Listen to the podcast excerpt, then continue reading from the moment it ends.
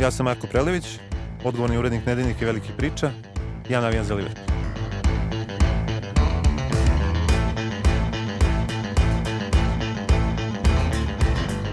Ja sam Uroš Jovičić, izvršni urednik Nedeljnika Velike priča i ja navijam za Liverpool.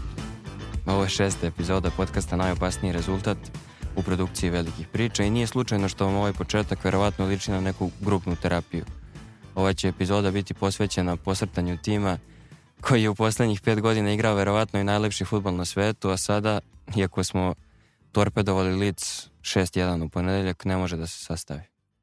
Marko i ja ćemo kao novinari koji vole i Liverpool i ljudi koji vole da čitaju i slušaju dobre priče, pokušati da seciramo šta se događa sa klubom koji ili volite ili mrzite i nikada prema njemu i njegovim trenerima i igračima niste ravnodušni. Pre nego što počnemo sa pričom, nije zgorih da uputimo i malo izvinjenja zbog pomeranja ove specijalne epizode sa ponedeljka na sredu, ali verujemo da ćete nakon praznika uživati u priči o recima. Mare, znaš kako obično krene priča kad je u pitanju identifikacija, kao kada i zbog koga si to i to. I obično su tu kombinacije King Kenny i kraj 70-ih, početak 80-ih ili Robbie Fowler i 90-te ili Steven Gerrard i Čudo u Istanbulu. Šta je kod tebe? Pa dopada mi se tvoje pitanje zato što implicira da svaka generacija će zavoleti Liverpool ili zamrzeti Liverpool na jedan ili drugi način. A ja sam onda, kalendarski je meni zapalo da to, budu, da to bude sredina 90. godina i pomenuo si Boga, a Bog je naravno mm -hmm. Robbie Fowler kada kada pričamo o Liverpoolu i kada ne pričamo o Liverpoolu vrlo često i nije, mislim, ne mogu da setim jedne tačne jedno tačno trenutka u, kojoj, u kojem sam počeo da navijam za Liverpool i u kojem sam shvatio da to je, da postoji neka sudbinska veza koja će mi izaći na nos i na sve druge telesne otvore u narednih dve i po, tri decenije, ali uh, jeste to neki kolaž, znači Robbie Fowler je sigurno ono zauzima glavno mesto u, na toj na toj nekoj velikoj fotografiji. Tu su sigurno neki novinski isečci pošto su tada novine se i, i čitale drugačije i sekle o, uh, o kopu, o pevanju, o prvim pesmama navijačkim, jer kao kad imaš 12-13 godina naravno da se ložiš na navijanje i naravno da ti je bitno da, da li je neko glasan ili neko peva ili nešto i sigurno i, i te priče o tragedijama e, što onih, onim tragedijama koje su Liverpoolovi navijači skrivili, što onim tragedijama koje su, na, u kojima su stradali nevini ljudi, priče o, o, o otporu e, konzervativcima, Torijevcima i Megi Thatcher u jednom eto, nepokorenom gradu. To je sve nešto što se sviđa nekome ko, ko je inače ima senzibilitet ka, u tom trenutku već ka mhm. nekoj, ne, ka nekoj punk muzici, pogotovo punk muzici koja dolazi sa ostrava. Neko bi rekao da je to ovaj, originalni punk, neko bi rekao da je to baš samo kopija ovaj, i nadgradnja nekog američkog, ali dobro, to je, to je tema za, za neki drugi podcast Bože zdravlja. Ali čini mi se da, da, da se poklopilo nekako da su jedni drugi crveni dresovi koje sam dotad uh, jako voleo i zbog kojih nisam mogao da spavam i zbog kojih sam plakao, uh, ustuknuli malo i, i da sam počeo da se interesujem za ove uh, druge crvene dresove i eto, meni je uvek interesantno kada pogledam u, u prošlosti, kada se setim te sezone koju sam ja srećom doživeo, a ti nisi Zvezdine u kupu šampiona, da je to ona sezona u kojoj su se engleski klubovi vratili u evropske, evropsko takmičenje, a Liverpool nije, pošto on imao još godinu dana da odradi zbog Heysela i eto nije moglo da se desi da se tada ono Crvena zvezda na vrhuncu i Liverpool koji jeste bio i, i prvak i to je možda ono to je poslednja titula Liverpoola praktično prava ovaj u, u staroj prvoj diviziji da se sretnu i oni se tada nisu sreli a ja bih eto dodao bih da, da ne dužim što se kaže i da da sam ja veliki, to je sad u, u Srbiji to reći 2023. ili 2005. godine, verovatno bolje da kažem da sam, da baš volim Ustaše i cenim sve što su radili, ali eto, ja sam veliki anglofil i volim britansku uh, i englesku kulturu, muziku, način razmišljanja, pre svega njihov humor i sigurno i to doprinelo da sam, da sam uh, zavoleo Liverpool, plus uvek treba biti u životu malo kontraš, a sad je lako navijati za neki klub iz Premier lige. Kad sam ja bio klinac, ja sam odrastao u Crnoj Gori, u Podgorici i tamo su svi bili ludi za kalču, naravno. Što zbog Deja, što zbog nekih e, drugih timova. Ja doslovno znam ljude koji navijaju za, za Leće, za Fiorentinu, za Torino. Znam čovjeka koji navija za Torino. Kakav to život? A 90. godina apsolutno nisam znao nikoga ko je navijao za bilo koji engleski klub, eto u tom, u tom našem društvu. Ali evo sad kad si dao si mi šlagvar tom rečenicom kakav je to život, pa zašta, ni život navijača Liverpoola u posljednjih 30 godina nije bio baš nešto Real. preterano. Ti, ti si ukačio isto highs and lows, ja sam ukačio malo više lows, malo više highs. Onda smo u nekom trenutku počeli zajedno da ih doživljavamo i preživljavamo, ali pitao sam se često i pitam se i dalje, a, pogotovo se pitam ove sezone, ovaj, kako bi mi život izgledao ceo da li bih ja bio drugačija osoba, to jeste tema za razmišljanje, onako za neki, to, to možemo ovaj, u ovom sestrinskom podcastu Ani Mitić da damo u kako da izrodite dobar život. e, Da, Da, da, ja se pozivam odmah sad. Evo, da, da, da kao, da, da, koliko, koliko navijanje za jedan futbalski klub može da te odredi kao osobu i stvarno da ti promeni ono i, i DNK i, i sve. Jeste i da te na neki način i upropasti i da te učini boljim. Meni je zanimljiva i ona tvoja teorija da, da zapravo ona patetika i tuga koje se vezuju za Liverpool, da, da neki ljudi neke svoje rane, tako da ih nazovemo, ne mogu da odvoje od, o- o- od svog svakodnevnog života i od sebe da bi time izgubili identitet, da je Liverpool neka idealna identitetska dopuna u tom Jedna velika smislu. krasta koju Tako je. ako kreneš da češeš ovaj. A recimo tebi je, ti si onda već ta sledeća generacija, tebi je tebi je Istanbul bio A ne, meni je, meni je prije, ja sam, to je specifično, ja sam odrastao uz čoveka koji mi je pričao najbolje priče o, o futbolu, to je moj deda pokojni koji je navijao za Zvezdu i za Manchester.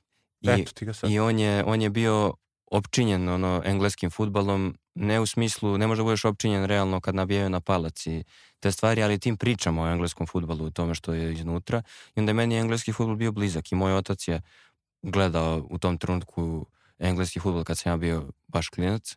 Iako su i moja prva sećanja vezana za kalčo, znaš, moji igraju kanastu, subotnji e, večernji derbi u, u seriji A i naravno i celo moje društvo se loži mi u vrtiću, navijamo neki za Lazio, neki za Romu, bože me prosti.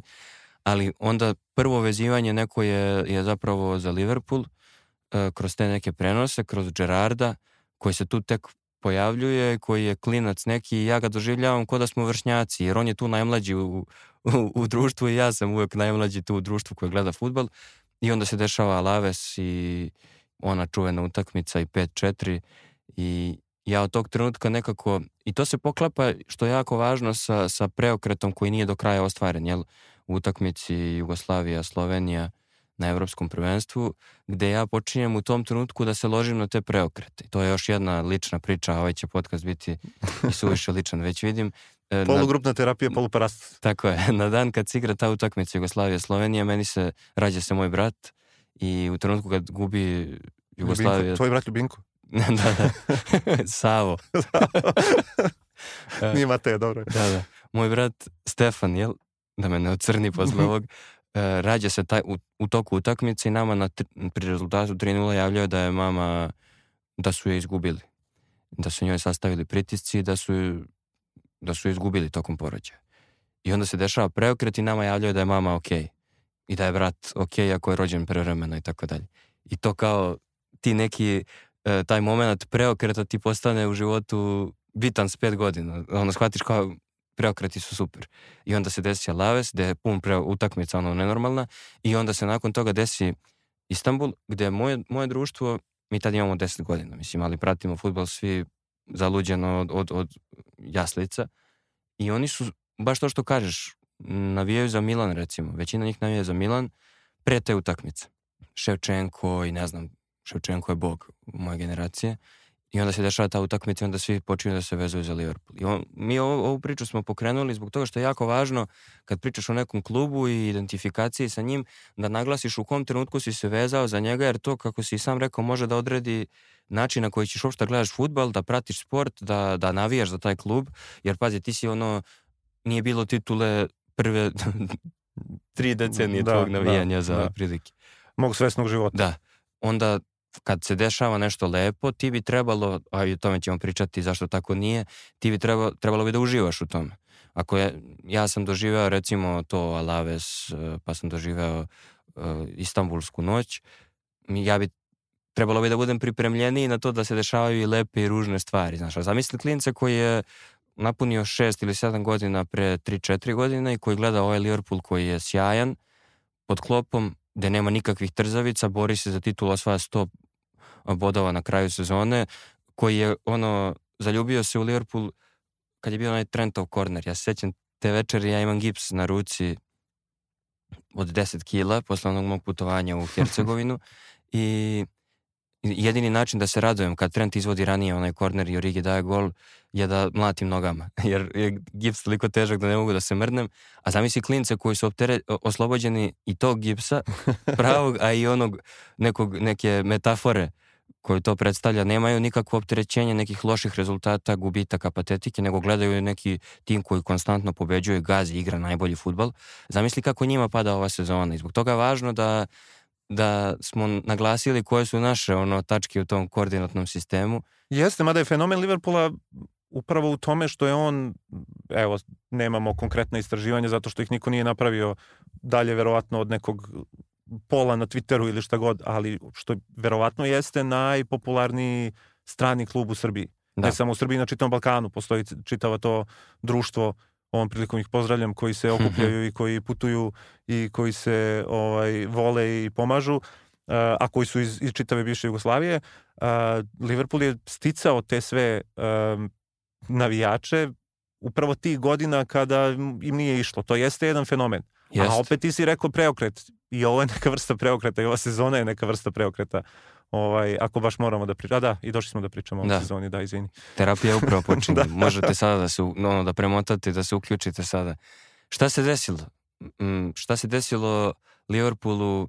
Lalić je u jednom trenutku na kolegijumu predložio recimo da je bio drugi, treći mesec sezone, znači kraj prošle godine, pred svetsko prvenstvo, da pišemo, da pišem ja o tome šta, šta se, kako se raspao Liverpool. Ja sam bio u fazonu, prvo zbog toga za, za koga on navija kao aj čoveče hm. rano je, drugo ne pada mi na pamet to da pišem ni u ovom trenutku ni bilo kad, međutim došli smo zapravo do toga šta se desilo, kako se Liverpool raspao ove sezone.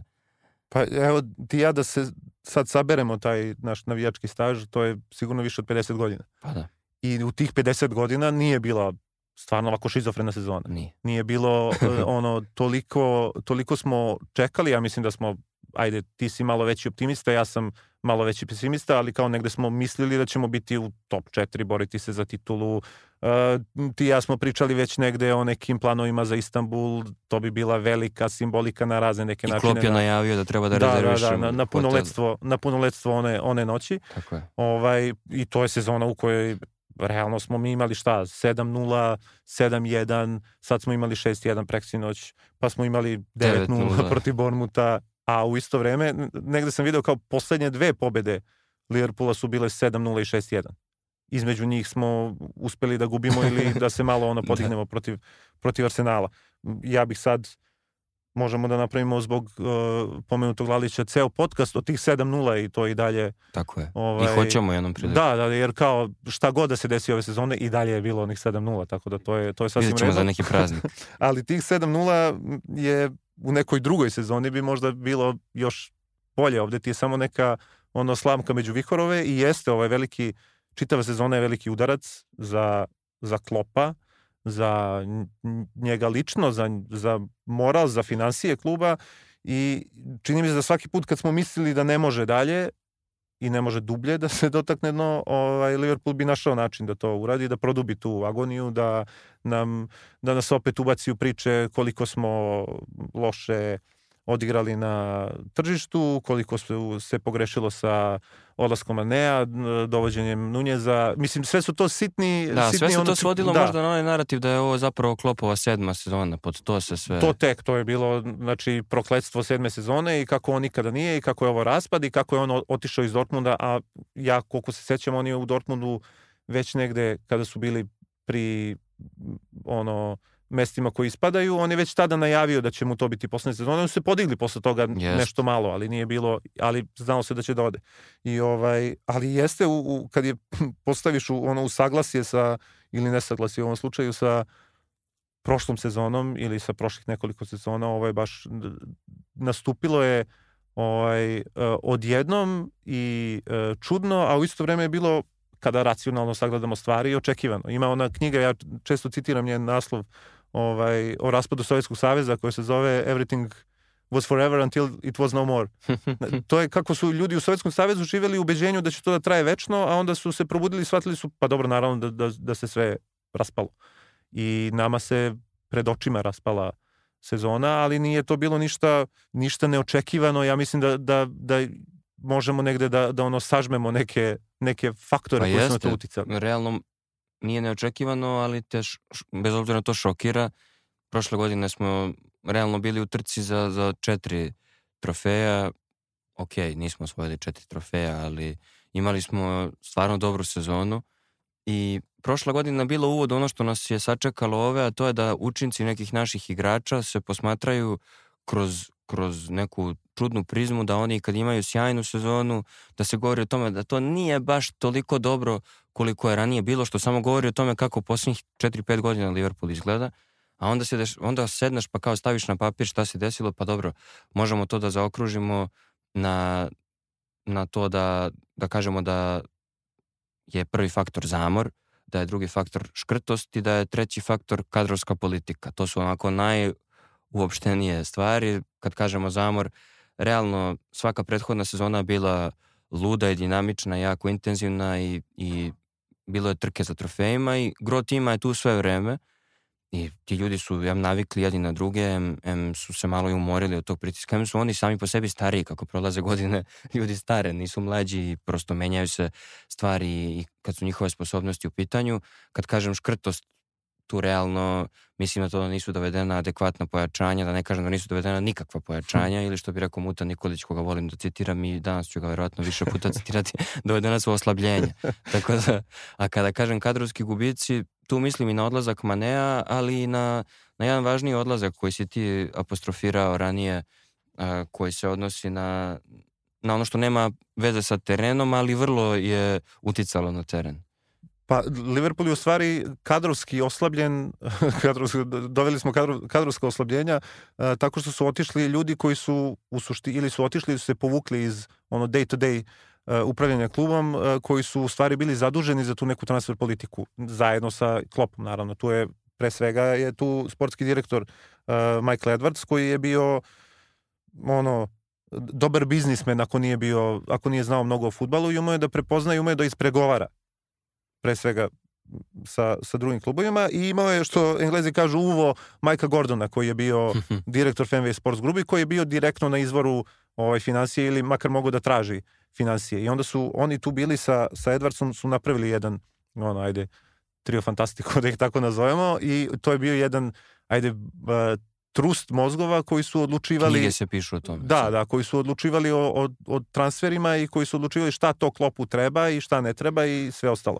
I sad je ovaj uh, Edwards je otišao, Gordon je sad prebačen da se bavi prodajom kluba ili prodajom dela kluba i ne bavi se znači više ovaj futbolom i Klopp je ostao tu kao neki uh, Sama kao list na vetar. Da, kao neki GM recimo, da ga niko možda nije ni pitao da li on to e, želi, može i opet ostao je kao čovek koji je ostao na braniku ne samo m, sebe i ne samo svog tima koji on mnogo voli i ceni, nego je čak ostao i na, ono, silom prilika je on dužan da brani i gazde u javnosti zato što se oni ili ne pojavljuju ili... A to ili je da. vrlo neprijatno i vidi se da pošto je iskren čovjek i njegove reakcije kad je bila korona su bile super, kao šta pitate mene, ja sam futbolski trener, on uvek tako nekako reaguje iskreno, a kad brani gazde ne deluje da je 100% u svojoj koži da, kad te stvari da. radi. Sad, realno možda je, možda je ono što, što linija tima ili linija naših muka a, koja sumira sve ove probleme i škrtost i, i, i zamor i kadrovske gubitke zapravo Liverpoolova sredina terena. Jel tu vidiš ključni problem? Koja je sredina terena? Da, ono što bi trebalo. Da, ono što bi, da, da. da. Odlično nam je odbrana i napad. Da, ali u, ti si rekao kako su se ti ljudi negde u, možda čak i umorili jedni od drugih, kako su oni mm. ono ostarili zajedno, što kaže Šaban. Svake godine je delovalo da postoji neki plan za ubrizgavanje sveže krvi u svaku liniju tima. Vidi, Ili... kad kažeš sveža krv i pominješ Engleze, to teorije zavereći sada krv. Tamo menjaju krv. I recimo, ali to je delovalo je kao da Klopp u poslednjih sedam godina stvarno imao plan. Kada smo videli da Karius nije golman za Liverpool, hmm. doveden je Alisson. kada smo uh, videli šta može Andy Robertson, ali da može i da se umori da ispadne, doveden je Cimikas kao njemu, kao neki, ajde, zamene njegov kalfa. Kada, je do, kada smo videli da nisu Matip i Gomez, to došao je Konate. Znači sad i dalje smo u odbrani. Konate je možda došao godinu dana kasnije nego što je trebalo, pošto smo imali da. onu haos sezonu posle, posle korone bez odbrane, kad smo ti ja verovatno mogli da igramo mm -hmm. odbranu i da, da izađemo na, na teren. Uh, u napadu ako ode Mane, već, se, već je spremna zamena, već je tu Luis Diaz, došao je Žota, uh, čini se da se klopi, ako mu je to teško palo, već spremao iz odlazak Firmina, a samo u sredini to ti ljudi su ono stvarno ostarili zajedno i on im je dao bezgranično poverenje i on im je on ih je držao tu na na ovaj na okupu ljude koji realno mislim ajde sad sem sem Tiago Alcantare koji igrač iz sredine terena je je neka klasa.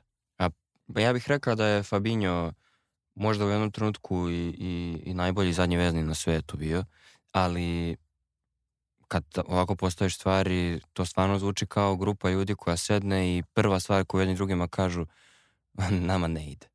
Znaš kao, pa jest. ovo ne ide, daj da vidimo šta ćemo sa nama. Šta Ali ćemo evo, evo pogledaj, znači ti u sredini imaš trojicu ljudi koji imaju više od 30 godina, a Milner više od 40-50 koliko ima. da, da, Milner. Znači to su Milner, Tiago i... E, njemu menjaju krv.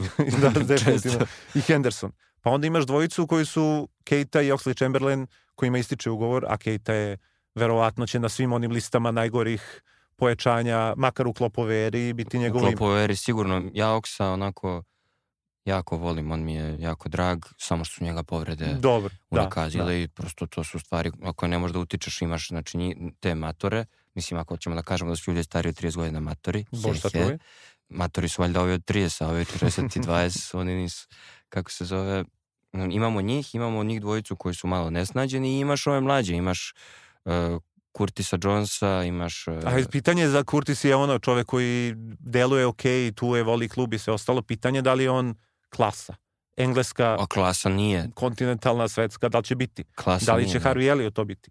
Pa ja, ja, to je možda Jeres, ali ja više volim Jonesa nego Eliota, iako Eliot ima ove neke odlične utakmice ove sezone gde je blistao, gde je on, on komandovao pressingom protiv, protiv Uniteda, protiv Uniteda je bio kad smo ih da. razvalili, naglašavam razvalili, ali prosto ne, ni on mi ne deluje kao to što kažeš, samo je Tiago Alcantara čovjek staklenih kolena i stakleni, staklenog zdravlja, ono bolešljiviji od nas dvojice, samo je on uh, zapravo ta vrsta klase, što bi rekli neki naši urednici i kolege, ima najduži dah. Ali čak ni za njega nisi siguran do kraja da li je Klopov igrač tako za Klopov tako sistem. To, to čak... I znači tu je Fabinho koji sad igra najgoru sezonu verovatno da. u, u svojoj karijeri, a koji imao i prvo i on, njemu je i navikavanje nije baš Jest. išlo najbolje. I navike i odvike mu i navike baš. i odvike i koji jeste neka vrsta Klopov igrača jer Klop voli tako nekog visokog tu da, Jest. da ima, ali u suštini ko, koga bi ti ostavio tu za narodu sezonu, osim što bismo ostavili Bajčetića, ali pod uslovom da ga ne sagorimo. I to čak nema veze, nisu Sa patriotski da, da, razlozi, da, da, da, to je to je stvar u tome da dečko stvarno u nekim utakmicama imao više samopouzdanja i više ono petlje, da tako kažem, nego njegove mnogo starije kolege, neki su duplo stariji od njega, pa on vidiš da pod pritiskom dodaje čovjek spoljnom i da to radi nekako mekano i lagano i da vidiš da mu je to prvi izbor, nije to uradio usiljeno i onda razmisliš, hm, znači, a ovi ostali, uh, samo što ne uzmu loptu rukom, stave pod, pod dres i otrče u slačionicu.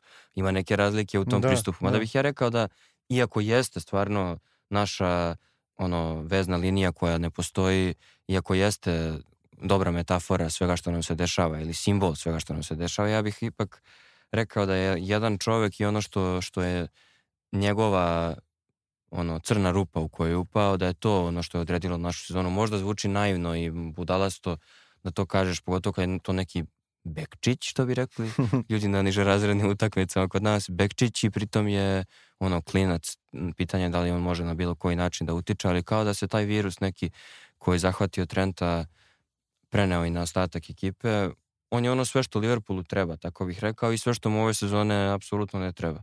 Pričao sam sa Vladom Novakovićem, koji piše super stvari za, za velike priče, i on ono, kao Unitedovac, ali pre svega uh, futbalski nerd, jedan od najvećih koje sam ikad upoznao, zna naravno i adresu Trentovu i zna da je Trent odrastao uh, u istoj ulici kao gde odrastaju i Liverpoolovi svi timovi i da je sve treninge kluba gledao sa krova svoje zgrade i on je ono naš klinac, klinac iz kraja i kada je igrao kako je igrao, ušao je mlad u prvi tim, odredio neke, donao neke važne pobede, dao neke važne golove, delovao kao da ima samopouzdanje, kao da ništa ne može da ga dotakne. I onda se dešava ova sezona gde on izgleda kao da, ok, ja znam da imam problem i ne mogu ništa s tim. Znači, kao da je malo depresivan, kao da usred utakmice dobije napad anksioznosti i ne može da se pomeri i to su prepoznali. Njegove mane su realno počeli da eksploatišu više nego ikada ove sezone. Nema više nikoga ko može da mu sačuva leđe kako su mu mnogi čuvali leđa pre, Van Dijk pre svih, koji takođe igra jedno onako... Koji ne, izgleda nezainteresovano da mu, sezonu, ali da, da to, sačuva leđa. Upravo to je problem sa Trentom.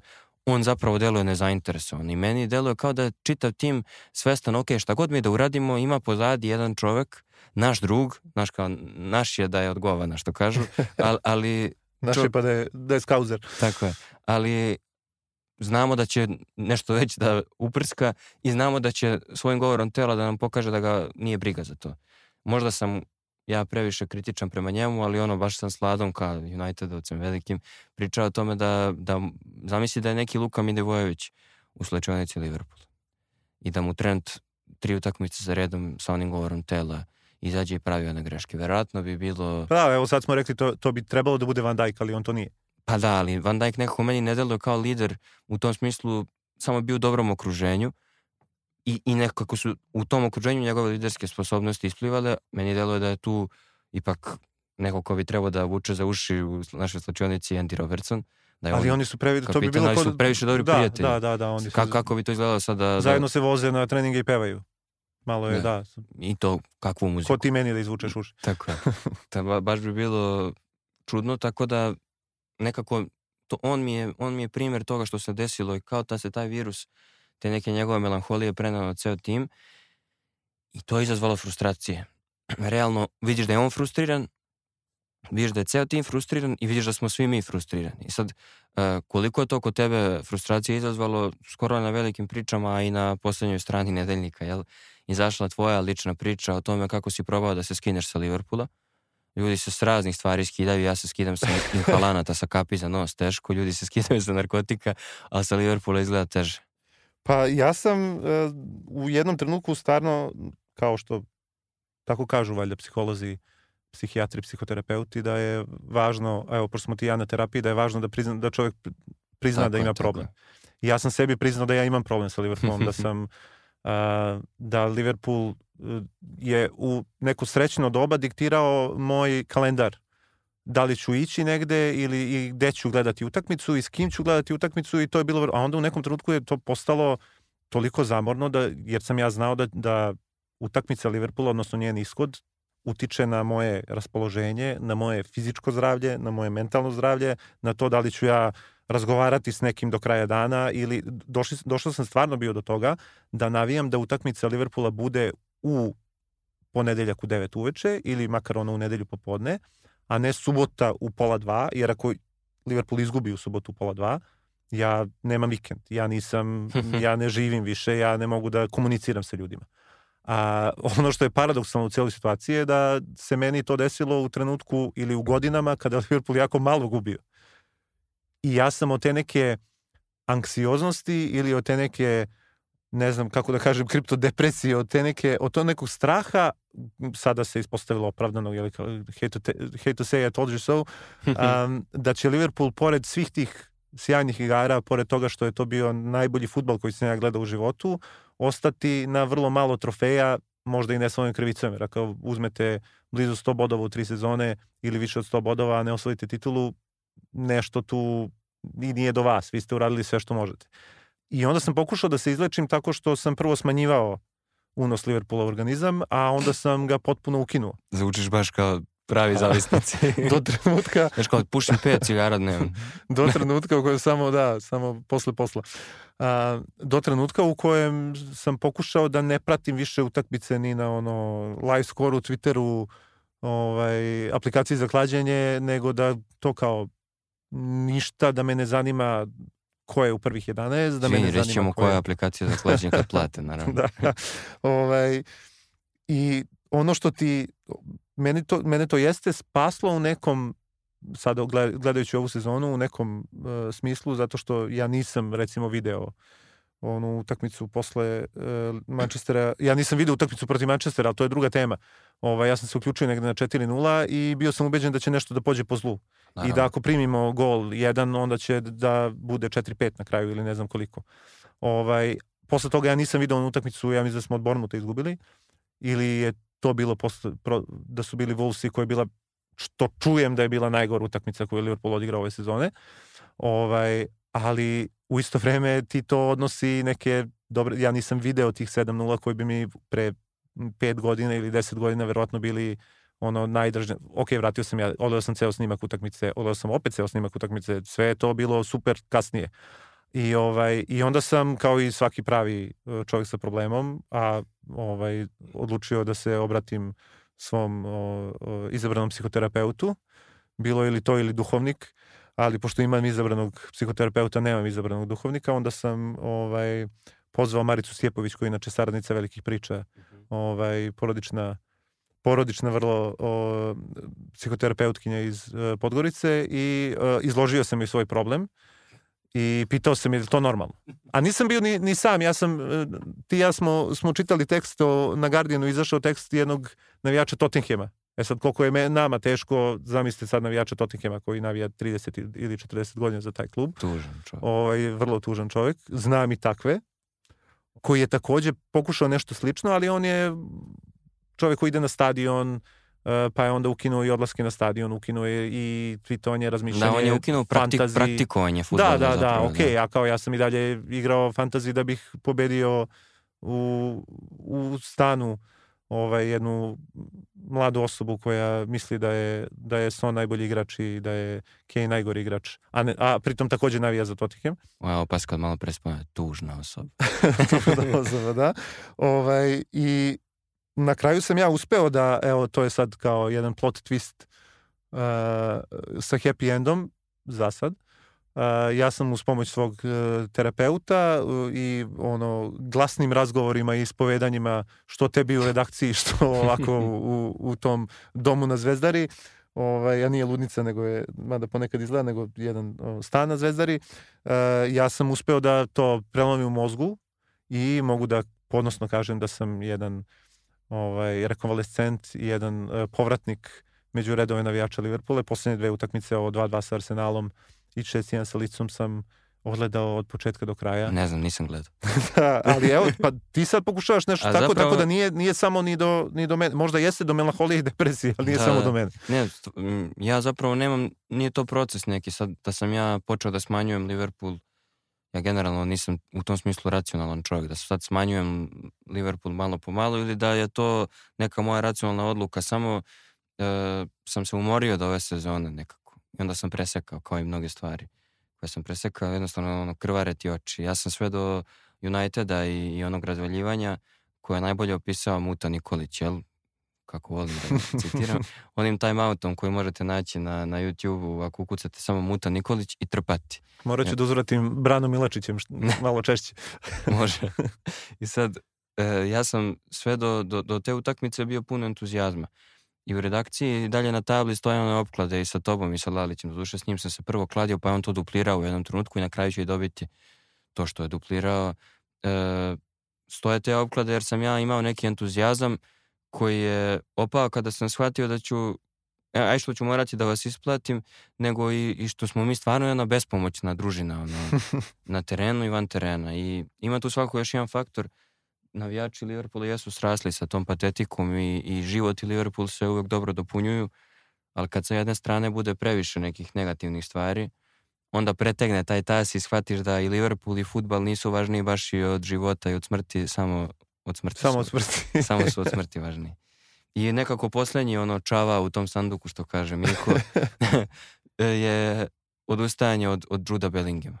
Znači, ja to kako kaže, kako kaže Vuksovci, ne razumijem. Ja to ne razumijem. Ja to ne razumijem. To pitanje je odlično, ali ja to ništa ne razumijem. Sad, kako ti to objašnjavaš? Kažu, preskup nam je, ko nama nije preskup? Ili ima neko da nam nije preskup na ovom svetu? I mo, kako može da ti bude preskup Bellingham? Kao, kako može lek da, jel, jel ima lek cenu? Pa da, ovaj, uh, ja sam siguran i to valjda ne treba ni ono siguran sam da će da bude ljudi koji slušaju ovo koji mnogo vole Liverpool i koji ga možda čak vole više od nas dvojice i svi mi jako volimo Jergena Klopa i ne postoji ono nešto što bi on mogao da uradi ili da kaže pa da ga pa da prestanemo da ga volimo. Ali jeste bilo prvo jest postoji njegova odgovornost u svemu ovome što smo pričali i što ćemo pričati, a drugo jeste on bio ciničan kad si pomenuo uh, Juda u onom objašnjenju kako mi to ne možemo, a to me vraća na ovu priču o, o tome da je on postao u neku ruku glasnogovorni gazdi ne svojom tako voljom. Je, tako je.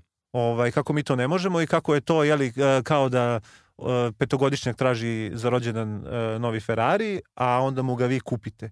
Iako petogodišnjak ne zna da ga vozi. E sad, mnogo je problema. To sad to treba ono rastvoriti tu njegovu izjavu. Mnogo je znači problema da sa- ne bi znao da vozi Bellingema, šta? mnogo je to problema, mnogo je problema sa tom izjavom, ali onaj koji pogađa sve nas jeste što je Jude Bellingham bio nekako znaš kao obećan, taj obećani Ferrari i pritom su nam govorili da mi ne možemo da ovaj kupimo ni malu crvenu Ford Fiestu, nego moramo da se vozimo prevozom i da idemo pešice da bismo imali za Ferrari. A onda kad je došlo, nije, nije Jude Bellingham odjednom skup i nije on odjednom čovek koji košta Tako je. više od 100 miliona evra. To se znalo. I od početka se znalo da, da će on biti skup, sem ako u nekom ludilu on ne ostane još godinu dana u Dortmundu pa mu cena padne, što se verovatno neće desiti s obzirom na kretanje na, na tržištu. I ne možemo sad da se pravimo mi iznenađeni da je Jude Bellingham skup i da mi eto, zamislite, ne možemo da ga kupimo. Ja razumem donekle i ajde treba da pričamo i o pojačanjima, Ove, ja razumem donekle da kao hoćete uh, Ferrarija ili hoćete uh, grtalcu i ne znam šta još, fiću i što, postoji razlika. Ali čini mi se da bi, da bi velika simbolika bila Da, da, mislim da je to je to. ključno. I, da. ja sećam onog tvog teksta, ja mislim kad je, to je bilo posle prve utakmice Engleske na svetskom prvenstvu, koji smo ono, izašli u nedeljniku i, i na sajtu nedeljnika koji smo nazvali Hey Jude naravno i mislim ti si tad pisao o Judu, a, ali evo sad ti meni reci što je nama Jude bio neophodan Ne, ili imamo, imamo mi muškarci, nekad je teško da se identifikuješ tako, jel? iako to zvuči čudno. E, imamo tu neku crtu da se takmičimo i nadgornjavamo u svemu i nekada to radimo otvoreno, da pokažemo da smo bolji, jači, veći, brži, šta god, a nekad to radimo onako prikriveno. I Jude bi upravo bio jedna takva pobeda. E, da pokažemo da imamo veći budžet i da imamo veći motiv da ga dovedemo i da kažemo svima da koliko god su bogati i dobri da je ona ipak izabrala nas i da smo mi neki drugi žanr. I to je super i to je lepo i mentalitetski važno, ali je Judy ono, ono što nema veze sa muškošću i sa tim nekim glupim dokazivanjima, to je ono intuitivno što, što dobiješ, a što je Liverpoolu potrebno. Neko ko je u stanju da između dva kaznena prostora potpuno nametne ritam, da u tom trenutku kogod igra između dva kaznena prostora, da ipak sve zavisi od Juda i to vidiš u utakmici, možda i najboljoj utakmici reprezentacije Engleske pod, pod uh, Southgateom protiv Francuske gdje je Jude igrao Da. kao zveri, a m, vidi, s druge strane terena nisu, čak ni sa njegove strane terena nisu neki igrači koji su mači i kašalj, a preko puta tek. I on je bio taj koji je diktirao tempo bukvalno čitave utakmice. Neverovatan je u tranziciji, može da započne tu tranziciju na pravi način, što je nama prilično važno. Mislim, nekad Liverpool se ne spušta u neki blok koji je skroz ispred kaznenog prostora, ali je bitno da postoji čovjek koji je u stanju da da prepozna moment kada je potrebno da se započne tranzicija, da li nekim pasom, da li trkom, on, on to jako dobro uh, anticipira, uh, on se snalazi jako dobro i, i kad je u pitanju, kad su u pitanju ubacivanje iz drugog plana, šut ima jako dobar, baš protiv Francuske uh, uzdrmao prečku Mhm. na početku drugog poluvremena, u- ubacuje se iz drugog plana i može da bude ono što je Henderson. He, Hendo isto ima te, te sposobnosti da, da iz drugog plana bude opasan, samo što je ovo na nekom elitnom nivou, rekao bih. E, onda pored toga ima taj neki korak dug i u stanju je da isprati. Baš ne znam ko može da mu pobegne. Pa on je nasrtan klopov Da, igrač. da, da, baš to, je tako. ono, to je ono što boli verovatno Jeste. sad sve kad, I- kad i- kao... Ono, verovatno u svakom duelu može da, da, da, da ga izgura do kraja, pa ono, makar da uspori. Možda ne svaku, svaki da dobije, ali kada su stvari tako ono čulno dobro postavljene na samom početku, ti onda veruješ da to može da bude veće od, od bilo čega drugog i sad smo onda došli u, u, u klasičan problem. Neko nam govori šta je najbolje za nas. Znaš, kao, I onda ti kažu, ali nije, nije, nije Jude dobar za, za nas. Ipak, A onda mi treba da kažemo ko zna zašto je to dobro. Ko zna zašto je to dobro. I onda meni je malo teško da i u životu i u e, stvarima vezanim za Liverpool prihvatim da, da, da je dobro da sve ide na moju štetu.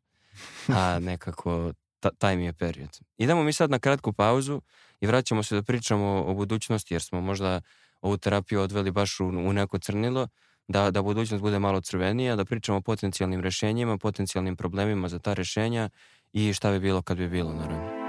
Podcast Najopasniji rezultat proizvodi velikih priča. Za samo evro možete se pretplatiti na portal Velike priče i šest meseci čitati, slušati i gledati sve što radimo. Dostupna je i godišnja preplata.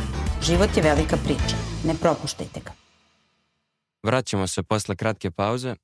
E, šesta epizoda posvećena je stradanju Liverpoola i svih nas, njegovih navijača ove sezone, a studio delim sa urednikom Nedeljnika i velikih priča Markom Prelevićem. Gde smo stali, Marek, od budućnosti ili kako, jel imamo možda pravo da pričamo o budućnosti? da citiramo Jeržija Kosinskog, koji je inače veliki plagijator, ali to sad nema veze. ovaj, budućnost je naša druže i ne može ničija druga da bude. Uh, ovo je sezona u kojoj, ajde kao da nazovemo stvari pravim imenom, prisustujemo kraju velikog klopovog Liverpoola. Da. I jedino čemu možemo da se nadamo, s obzirom na to da smo ustanovili da mnogo volimo Klopa i da želimo da, da on pokuša da napravi drugi veliki Klopov Liverpool. To neće biti lako, zato što je konkurencija teža, zato što imamo gazde kakve imamo, koji su, treba im dati i ono credits za spasavanje kluba iz Svakako. ono čeljusti pa i za taj jednih... uh, ono što si spominjao taj neki trougao koji su omogućili da, da, realno. Da, da, da, ali opet ima, imamo svi utisak da nas oni koče, imaju oni verovatno utisak da nas, da nas koči, da Liverpool može da iskorači što se kaže, a, a s druge strane i, i Klopp je sada 7 godina stariji nego što je bio na početku ovog, ovog procesa. Tako i sa novim zubima.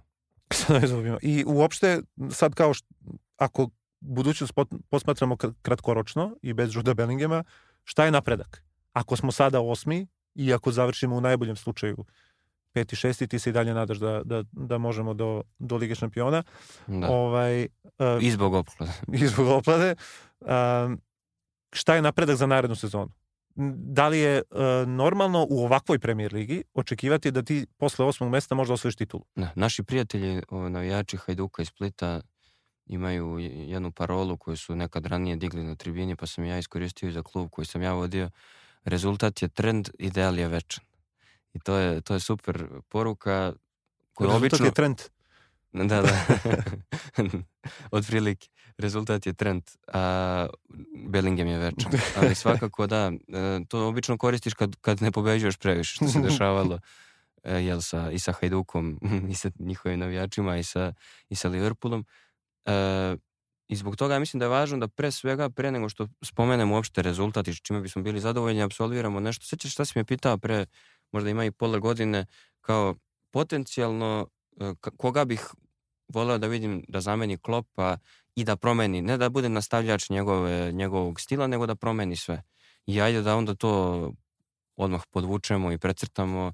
E, da li bi voleo da Klop ode? Ne. No, ne, nije to uopšte ne. opcija, ali kao to je početna tačka. I ako znamo da to ne, onda šta su promene koje bismo realno voljeli da vidimo u igri i u timu, važnije da pričamo možda o tome nego čime bismo bili zadovoljni. Jer ja kad bih mogao da biram, realno tu imam ja naravno spisak kao i svi, hm. legneš uveče i kao Znaš onaj čuveni mim, ono kao muškarac leži okrenut leđima, žena leži gleda u plafon i kao o kojoj sad razmišlja, a ti kao prebiraš u glavi. Dobro. Ako kapitensku traku damo Andy Robertsonu i ja bih, e, nek to bude neka nulta tačka, ja bih rekao na, na tom mom kratkom spisku da je to prva stavka. Mislim da je čovjek po svom pristupu po toj glavi škotskoj koju, koja je i blesava i drčna i bezobrazna i ne vole ga mnogi, ali je za nas naravno jako, jako važan taj pristup i po tome i po trudu i po kvalitetu i po svemu što pruža, po tome da nije pao kad su ostali pali, stvarno zaslužio da podnese tu traku. Jer ja mislim da bi u 30-40% utakmica Slava i Čast i Hendersonu i Milneru i Van Dijku i kogod ponese traku, mislim da bi on svojim pristupom i svojom glavom uh, promenio makar, možda ne toki rezultat, ali makar pristup tima i ne bi bilo toliko frustrirajuće. Nek, što kaže ono, nek udari nekog, nek dobije crveni karton, samo da ne bude sve tako neki raspadori. Pa da, i Trent i on su, ajde, Trent zbog tih razloga što bi vlada rekao gde je odrastao, ovaj, i Andy su ljudi koji najviše razumeju i, i publiku a publika na Enfieldu je vrlo bitna, ona nije, uh, ovde ljudi vrlo često to mešaju sa, sa nekim strastvenim navijanjem kako mi vidimo po našim stadionima i kakvi su navijači Crvene zvezde, recimo, uh, ta publika je mnogo više reaktivna nego aktivna, ali uh, baš zato što razume futbal i razume kada treba da ono uskoči svom timu, da, da, da to se ne pretvori u vrlo često, da ja volim da odem na na Zvezdin stadion, pa vrlo često to onako ti se pretvori to navijanje u, u ceo jedan onako Žamor. droning, jedan da. ono kao koji malo može čak i da uljuljka i da uspava igrača i sve to. A Andy... Ovih, ako, ako poradimo, onda, onda to možda, možda Enfield više liči na, na Stark Arenu kad igra košarkaški klub Partizan. Pa to je da, publika pa koja da. poznaje materiju i koja stvarno jako da. dobro a, prati a šta Andy se je čovjek, dešava. A Andy je čovjek koji ume da, da, da, da. oseti to i da ume da, da pozove publiku da pozove navijače da reaguju onda kada je to se videlo sjajno protiv Arsenala gde su oni, oni trend posle ovaj, treba da se desi neka varnica. Ta varnica je bila džaka kao što je uvek varnica, kao što je Džaka uvek varnica i onda odjednom se promenila atmosfera na čitavom stadionu.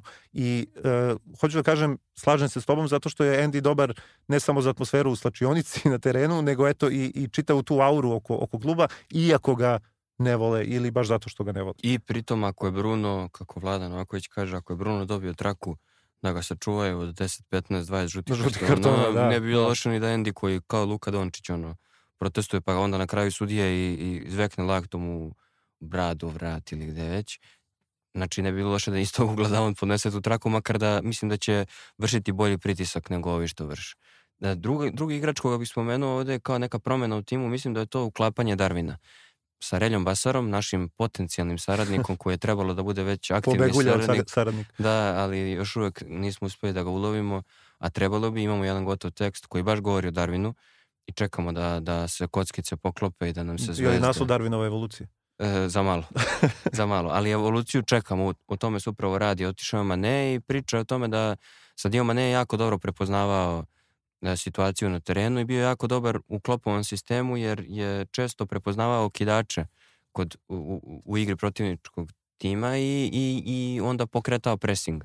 I jako je dobar, možda jedan od najboljih na svetu u tome da odseče teren. Ono što smo pričali o Žezusu sad što radi u Arsenalu, skraćivao je teren Mane svojim prisustvom I onda imaš sada Darvina koga ljudi napadaju da je bukva, da je loš, da ne zna da da gol, sve je pogrešno, zna da da gol, zna sve i ima veliku želju, nije da se ne trudi, samo malo trči kao ono, june, glave, kao muva bez glave, lepše da to kažemo. I mislim da bi trebalo da, da se radi na tome da, da on uđe u sistem, da nauči možda te neke mehanizme i da, da ga koristimo na, na bolji način uz, uz navalu tu koju imamo sa Salahom, sa Žotom, ako svi ostanu, sa, sa Dijazom i sa... Gakpom Gak- koji opet da, daje novi, to bi novu moglo, vrstu kvaliteta. tako je, to bi onda moglo da bude jako dobro, jer onda čovjek neće trošiti uzaludnu energiju. Ja se sećam, nakon prve utakmice u Beogradu, pardon, nakon prve utakmice, pred utakmicu u Beogradu u Liverpoolu i Zvezde, e, pričao sam sa pokojnim sada, nažalost, Milanom Kosanovićem, koji je bio desna ruka Vladana Milojevića u svom stručnom štabu, on mi je rekao, kao radili smo detaljnu analizu i moglo bi da bude, razlika bi mogla da bude očigledna, shvatili smo da smo uzalud trčali. I kad ti to objasni, on, on onda na, nacrtao mi je bukvalno koliko je bezveznih sprinteva bilo, koliko je metara istrčano uzaludno bez poente. Deluje mi da, da je Darwin upravo to, da, da kada je u defanzivi, da, da on da, ima energiju i ulaže, ali da je to vrlo često glupo i, i neusmereno i mislim da ako njega uklopimo, ako damo traku ovom čoveku i konačno ako nađemo neko pravo mesto za Trenta da bi to moglo da izgleda drugačije, Trent je realno ne može, kad pričamo o tom skraćivanju terena, ne može da bude centralni, vezni, da tako izađe na teren da to bude njegova nominalna pozicija. Mislim da je tu previše defanzivno neodgovoran i jednostavno nema kvalitet da bi to mogao da radi. Ne može da bude ni bek, očigledno ubijaju ga. Još jednom ako se pojavi Vinicius preko puta, čovjek će ono morati da mu salivaju stravu u Tuzli negde. PTSD. Da, i bilo bi idealno da bude neko krilo, a to kod Klopa ne može. jer drugačije su uloge krila kod Klopa, to bi bio neko, neko krilo kod Guardiola idealno. Šta ti vidiš kao ključne promene u timu da bismo uopšte mogli da pričamo o rezultatima? Pa Trent je uh, na poslednje dve utakmice koje sam sticam okolnosti odgledao, da, da. ovaj, ali se pogodilo da su to poslednje dve utakmice na kojima je Klopp promenio taktiku, a to je učinio najpred promenom Trentove pozicije. Trent je uh, više ulazio u sredinu i on je bio sa Fabinjom negde uh, činio taj neki tandem u tom boksu, što bi rekli englezi, i onda bi se naša 4-3-3 kad imamo loptu pretvarala u, kako to dođe, 3-2-5 sa, sa Trentom i Fabinjom. Da. I ne pominjem ni tu utakmicu protiv Lica samo zato što sam ih gledao, ni samo zato što je bilo 6-1, nego zato što je posle te utakmice Klopp rekao da je, da je to uh, formacija koja nam najviše odgovara i da je to taktika koju Liverpool treba da koristi. Uh, da li je to sad malo njegovo eksperimentisanje, pošto je sezona uh, otišla u onu stvar, ili sad samo isprobava neke stvari, ali činjenica jeste da je Trent imao najveći broj pasova u, otkad se bavi profesionalnim futbolom, da je imao 124 pasa, od kojih je 90 bilo tačno. 90% bilo tačno.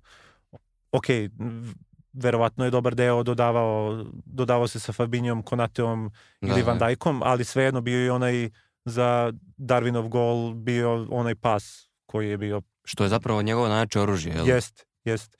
I ovaj, čini mi se da u toj sad opet, ne mogu da kažem, ne može niko od nas da zna da li je to e, Klop zakucao da će to tako da bude i da li je Fabinho pravi parnjak za Trenta i da li Trent to uopšte može da igra. To jeste, ti si pomenuo Pepa, on, on, on bi se mnogo lakše uklopio u neku Pepovu taktiku i sad to je malo neki bif koji vidim da navijači Liverpoola imaju po društvenim mrežama, ovaj, što ta taktika koju smo mi primenili u drugom polovremenu protiv Arsenala i u većem delu utakmice protiv Lica nije naša, nije originalna. Tako je, da. Nego je to ili uh, meni je druga rante s kojim sam se dopisivao tokom utakmice rekao kako gleda kako je Klopp mnogo skinuo Pepa. Uh, skinuo je Pepa ili je skinuo Pepovu dosta najbolju kopiju koja se zove Mikel Arteta. Uh, u, u situaciji u kojoj Trent i, i Fabinho igraju u sredini, Robertson se vraća u da čini taj kao defanzivni bedem, znači on čini, njih trojica su uh, Andy, uh, Van Dijk i, i Konate i sad Konate jeste čovek koji ti daje novi kvalitet jer sem kad ne ume da iznese loptu, on ume da iznese loptu. Nije umeo protiv lica pa smo primili gol na, na njegovu veliku glupost, ali on je unapređenje u odnosu na ono što smo imali sa Matipom i Gomezom. A opet, uh, pitanje je da li mi tu dobijamo ili gubimo sa Andyjem koji se vraća na poziciju kojemu možda nije najprirodnija i kojemu možda ne prija. Sad opet pomenuli smo uh, Guardiolu i City, to je situacija, to je pozicija u kojoj bi igrao neki ono Ake ili bi igrao neki uh, možda Walker kao najbolji Walker, možda White to igra u, u, u Arsenalu kod Artete ili koju bi sad da kao ono wishful thinking koju bi igrao Joško Guardiol možda da je u Liverpoolu. Jeste, s tim da ja mislim da da je ovo prilagođavanje, da ne gubi Liverpool sebe tu u tom smislu, što jeste strah kao ko smo sad mi, šta je ovo. E, prvo mislim da je to robovanje kao tom identitetu u igri pogrešno jer videli smo da ovo ne radi. Mislim, videli smo to, ako je nešto tačno vezano za Klopa u sedmu sezonu, jedina tačna stvar je da timovi stvarno provale neke njegove mehanizme čoveče, ono, i Dortmund je tako nagrabusio i Liverpool sada daju nam loptu i ja i ti sad. Tim koji je navikao da igra reaktivan. Da, da igra na energiju. Da, i, i na to da vrši pritisak na određenim delovima terena, da ono čuveno da je pressing bolji playmaker od, i od Kevina De Bruyne, da znači na pravo mesto ako uzmeš loptu da, da imaš ozbiljne šanse. Ne možeš da uzmeš loptu ako neko samo na palac izbije loptu i ona dođe u tvoju zadnju liniju. Iako neće da igra protiv tebe. To čak neće da radi ni, ok, ne mora City koji ima mašinu koja melja, ali većina timova kada Liverpoolu prepusti posed, samo koristi onda greške koje se dešavaju. Uh, ako ćemo da izgubimo na nećemo izgubiti na presingu. Prvo, svi najveći timovi današnjici igraju neku vrstu presinga na određeni način. I uh, samo pitanje je kako ćemo da ga preusmerimo, da ga prekomponujemo, tako da kažem, i mislim da tu možemo da dobijemo i ako nešto značajno promenimo i ako trend, ako trenda sakrijemo, samo pitanje da li je to rešenje ili je prosto rešenje i koliko smo spremni da to prihvatimo s obzirom na sve ove stvari koje smo o Trentu, njegovom životu, odrastanju rekli, ili je rešenje da se dovede drugi desni bek. E, koji nećemo... Što je verovatno trebalo da bude rešenje i dok je trend bio Tako sjajan desni bek. Treba, nama je trebao drugi desni bek. Tako to je. nije bio Joe Gomez koji je to pokrivao. Ali ako su nas već provalili i ako ne možemo da se odreknemo Trenta kao takvog, prosto to je bilo pucanje baš u taj identitet i u sobstveno koleno, onda je logično rešenje da se traži neki, neki novi način i onda nije sporno ni da se proba sa Endijem na nekoj drugačijoj poziciji, da Trent uđe u sredinu, jer ako nešto dobro radi, to su ti pasovi od 50-70 metara, da možda ne guši Salah, kako smo pričali ti ja, što si dobro primetio, jer nekad se dešava da se oni dupliraju na toj desnoj strani u prethodnim sezonama i da to izgleda kao ono, rapsodija. Pa da, Da. ali Salah je sad u poslednje te dve utakmice imao najviše dodira, najviše šuteva. Što je, gde nisu da. znali protivnički igrači koga da čuvaju, kako da se ponašaju. Još tu Curtis Jones je znao dobro da se uklopi s njima dvojicom i da uđe u neki kroz half space, da uđe u taj prostor, da, da napravi pometnju potpunu kada igra. E, nekad Henderson. Pa da, dobro, takođe. ta, taj, e, ta taktička ono promena i prevara sa, sa Trentom i Fabinjom je oslobodila i protiv lica Kurtisa i, i Hendersona da idu malo više napred. Jeste i prosto može da u mom drugom omiljenom uh, odnosno u mom drugom, u mom drugom sportu zapravo ne omiljenom, ali u mom drugom sportu rukometu postoji ranije makar bilo, nije bilo ovako striktnih izmena, imao si neke odbrambene specijalce, nije bilo striktnih izmena odbrana napad, nekad sada, gledao sam finale Nemačkog kupa, nemojte da me kamenate. I Kiel Fleischburg. e, e, Reinecker Leven i Magdeburg i e, čini mi se da je, da je da su u Magdeburgu najboljeg svog igrača upravo čuvali da su, on je bio stručni konsultant Eto, eto, da su ga čuvali u, u odbrani da je igrao, on je inače srednji bek, igrao je levo krilo. To u rukometu možeš da uradiš, to u waterpolu možeš da uradiš. Da svog najgoreg odbrambenog igrača staviš da čuva nezgodnu stranu. Ok, na nezgodnoj strani ako primiš gol, eto. Sme, možda živiš s tim. Ne možeš u fudbalu to da uradiš, naročito ne da nekog ko je defanzivno problematičan staviš u centralni deo e, terena, ali ako se stvari promene, ako dovedemo neka pojačanja, što jeste sledeća i posljednja tema e, ove naše terapije, to bi onda moglo da ima smisla. E, hajde da ovako, ako smo rekli da ne dovodimo Džuda, Iako smo rekli da e, e, samo da ne budemo ono ovaj petogodišnjak iz Klopovog primera e, da nas prevare pa da nam zapakuju Trenta kao evo doveli smo novog igrača sredine terena i to bi kao nam samo fali. Pošto ono kao, nisi dobio poklon, nego našao je tata svoj stari. džemper. da, bukvalno. Ovo što su rupice, to su moljci, to je normalno. E, da nas ne bi ubeđivali da su neke stvari normalne, ko su igrači koje, koje bi voleo da vidiš u, u crvenom dresu? Sad se spominju, makar kad je premier liga u pitanju, Mount, McAllister, Tillemans, Declan Rice, Madison. Ono što je važno da se naglasi, opet kad je priča o tom identitetu igre u pitanju, Klopp je lako dovodio pojačanja jer je e, imao fabriku e, igrača za svoj sistem. To je Red Bullova fabrika. I ok, Keita je promašaj, ali gomila drugih igrača nisu promašaj, zbog toga što su oni bili tamo i učili mehanizme koje on lako mogao da primeni u, u našem sistemu igre. Sada ako će da menja stvari, više ne može da dovodi Red Bullova e, rešenja. Nisam siguran ni da ih ima u ovom trenutku kvalitetnih. E, ok, osim na toj štoperskoj poziciji Hm. koju si spomenuo, ali mislim da, da onda mora da traži neko rešenje od ovih koja se nude i koja su možda mainstream rešenja. Ko je tebi tu najprivlačniji? Pa ima za taj predstojeći prelazni rok koji je možda najvažniji u Klopovoj karijeri. Baš zbog toga što će se videti, što je prvo odgovoran za to, skoro samostalno, a drugo što će se videti da li on u sebi ima osmu sezonu ili nema. Uh, I to će se vrlo brzo videti. Postoji tu nekoliko otežavajućih okolnosti, a prva je ta Liga šampiona. Mislim, Tako ne nije, nije Liverpool tek bilo ko i valjda nisu igrači, mnogi dovode u pitanje inteligenciju futbolera, ali valjda nisu toliko glupi da misle da se Liverpool nikad neće vratiti u Ligu šampiona, ali postoje, siguran sam, igrači kojima je stalo da zaigraju odmah u Ligi šampiona.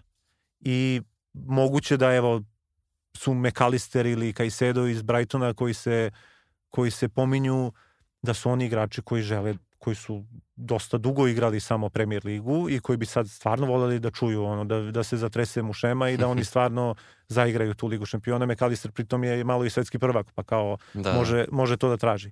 A druga otežavajuća okolnost je, a koja se naslanja na ono u priču o škrtosti gazdi, jeste što će biti velika potražnja za veznim igračima na tržištu predstojećeg leta. A, kupovaće ih City verovatno, ukoliko ode Gundogan, priča se o... Mislim da je, on, to, je to gotovo. Da, Barcelona. priča se o tome da će i Bernardo Silva možda da ide. Znači City će biti... Aj, njega samo da ne gledam više. City će biti tu u igri. Uh, Newcastle će imati ambicije preko svake mere, zato što sada... I o tome ćete inače čitati u tekstu Vlade Novakovića, koji će do kraja nedelje o Newcastle i Ediju izaći da, da, da, ne, ne želim onda ni da, ni da spojlujem, a ni da ispadnem glup zato što će on sigurno imati bolje ono i informacije i uvide od mene, ali Newcastle je sad već sa Big Boys. Sad Jest. Newcastle više ne mora da kupuje ono što uh, odgovara samo, nego možda da ide na veliko. Oni su dosta kupovali jako pametno, čini mi se, i, i vrlo su mudro procenjivali šta im treba i šta im je dovoljno za ovu fazu, ali sada ulaze u neku novu fazu. Tu je Aston Villa koja će možda igrati Ligu šampiona ili će biti tu negde, igraće Evropu svakako. Tu je Manchester United koji će hteti da osveži svoj, ne, svoj vezni red. Uh, tu je Chelsea jer kao Chelsea će da kupuje, kao šta drugo Chelsea radi. A zbog ovoga prvog što sam pomenuo da je kao da, da Klopu trebaju rezultati odmah, moguće da će prioritet biti neko ko poznaje Premier ligu. Neko na koga se neće dugo čekati da da se uklopi i nekoga ko, neko koga su oni već negde videli kao, kao potencijalno pojačanje, a to sad ja crtam fotorobot Masona Mounta. Uh, da. Mason Mount je neko ko, sem što postoji na njega onaj porez na engleze kao i na, na svakog mladog ili ne toliko mladog engleskog igrača, on je neko ko se po, po onome što Klopp misli o njemu i po onome što može da ponudi, koji se namešta da pređe u Liverpool sa sve svojim problemima u Chelsea-u, sa novim ugovorom koji nije dobio, koji će možda dobiti, a možda i neće, pošto je on upao sad u onaj procep, ovaj, imali smo i o tome e, dobar tekst o, o tom finansijskom fair playu, o tome što radi Chelsea, uh, on je upao onaj procep, sad nije potpisao ugovor po starom, sad bi trebalo da potpiše po novom, koji je možda ugovor gde će on primati manje, ali će biti bonusi veći na više godina, pitanje je da li se to njemu sviđa pitanje je da li se Mountu sviđa uh, čitava, ono, čitavo ozračje u, u Chelsea-u gde se ne zna ko pije, ko plaća, ne zna se ni ko će biti trener, ne zna se ko su igrači oko kojih će se uh, sve vrteti, a Klopp bi mogao da mu ponudi,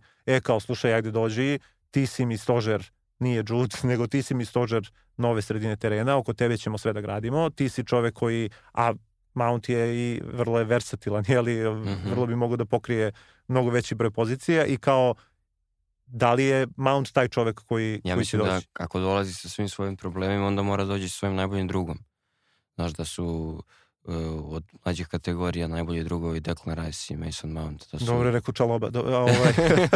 ne, oni su, oni, oni su ono baš najbolji prijatelji i nekako mislim da tačno ono što fali Mountu i što bi falilo Liverpoolu kada bi ga doveo, jeste ono što bi mogao da donese Declan Rice. Kad bi mogao da biraš sad između dva neka, ono, mislim, ja sam možda preveliki optimista, pa pričamo dva čak pojačanja. Da ćemo dovesti, ali evo da možemo dva pojačanja da dovedemo, ja da mogu da biram, ja bih rekao Mount i Rice, iako mi je McAllister jako drag i odlučio je finale svetskog prvenstva svojim potezima i sjajan igrač, ali rekao bih ova dvojica, prvo što imaju tu direktnu vezu, poznaju se bukvalno ceo život, drugo što su ono premijer ligaška deca, nema tu prilagođavanja, treće što stvarno imaju kvalitet koji nevezano za, za porez na Engleze od njima povećava cenu. Ako ono, to je ako mogu da se junačim baš. Ako mogu da biram, da bi ruckam, tu bi onda bio neki McAllister i neki zadnji veznik koji bi mogao da pomogne Fabinju i da se nadam da će Fabinju da bude dobro.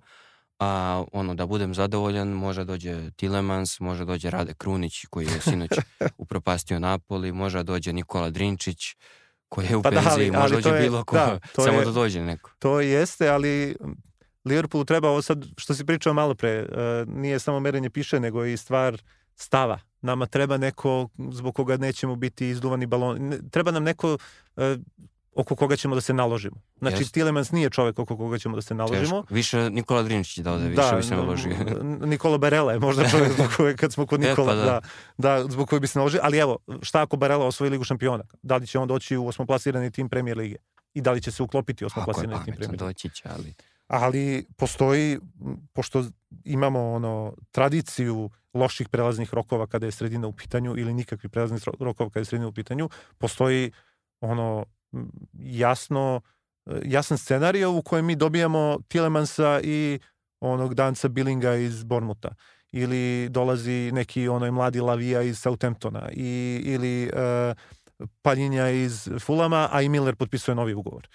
Znači, I, onda, onda, I onda sve isto. Kao, kao ono, ako ste gledali, ako niste, nemojte, ali ako jeste, onda znate o čemu pričam. 1899, ona serija na Netflixu.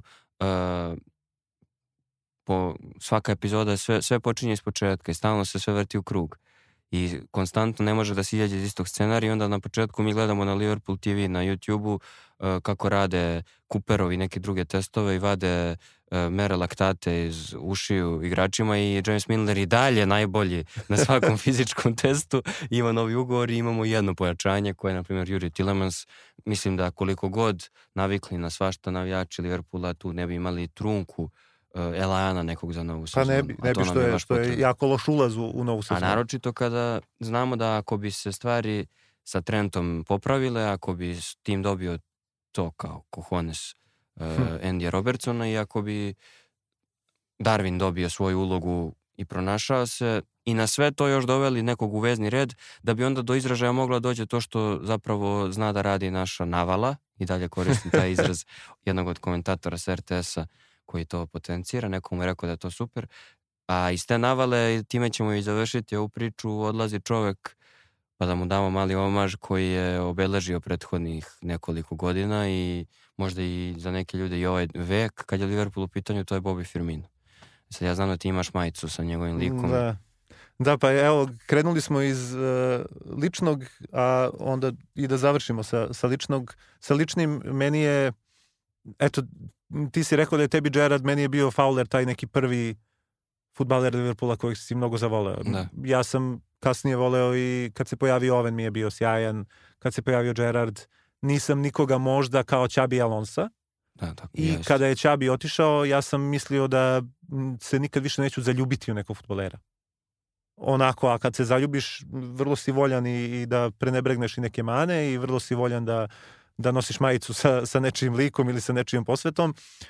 Za mene je taj čovjek bio uh, Bobby Firmino i kao i svaka prava ljubav ili zaljubljenost, to što je ono došao iznenada i to što je jednog dana samo e, zakucao na vrata mog kluba da ja ništa nisam znao pre toga o njemu, to je ovaj to mi je bilo dodatno znaš kao, kao neće se desiti tako što će neko zakucati na vrata. E pa desilo se, ja se ja se sećam priče o tome kako su divni parovi sreli na ulici i ostali zajedno do, do kraja života. da, da, ja se, ja se ono, sećam prvog trenutka kada sam čuo za Bobija Firmina, to je bilo kada je on dolazi iz Hoffenheima, pa sam ovaj, našem drugaru i kolegi Aleksandru Gligoriću iz Mozart Sporta, koji je mnogo veći poznavalac uh, inostranog futbala od mene, ovaj, odmah poslao poruku kao ko je ovaj kakav je i onda je meni Gliga rekao, ma ne, kao sjajan je, vidjet ćeš, super je, igrao je to, to i to u Hoffenheimu i onda jedno pola godine kasnije uz, uz onaj haos Brendana Rodgersa i, i to što se Firmino prvo nije imao poziciju i nije znao ni on šta igra, niti je znao taj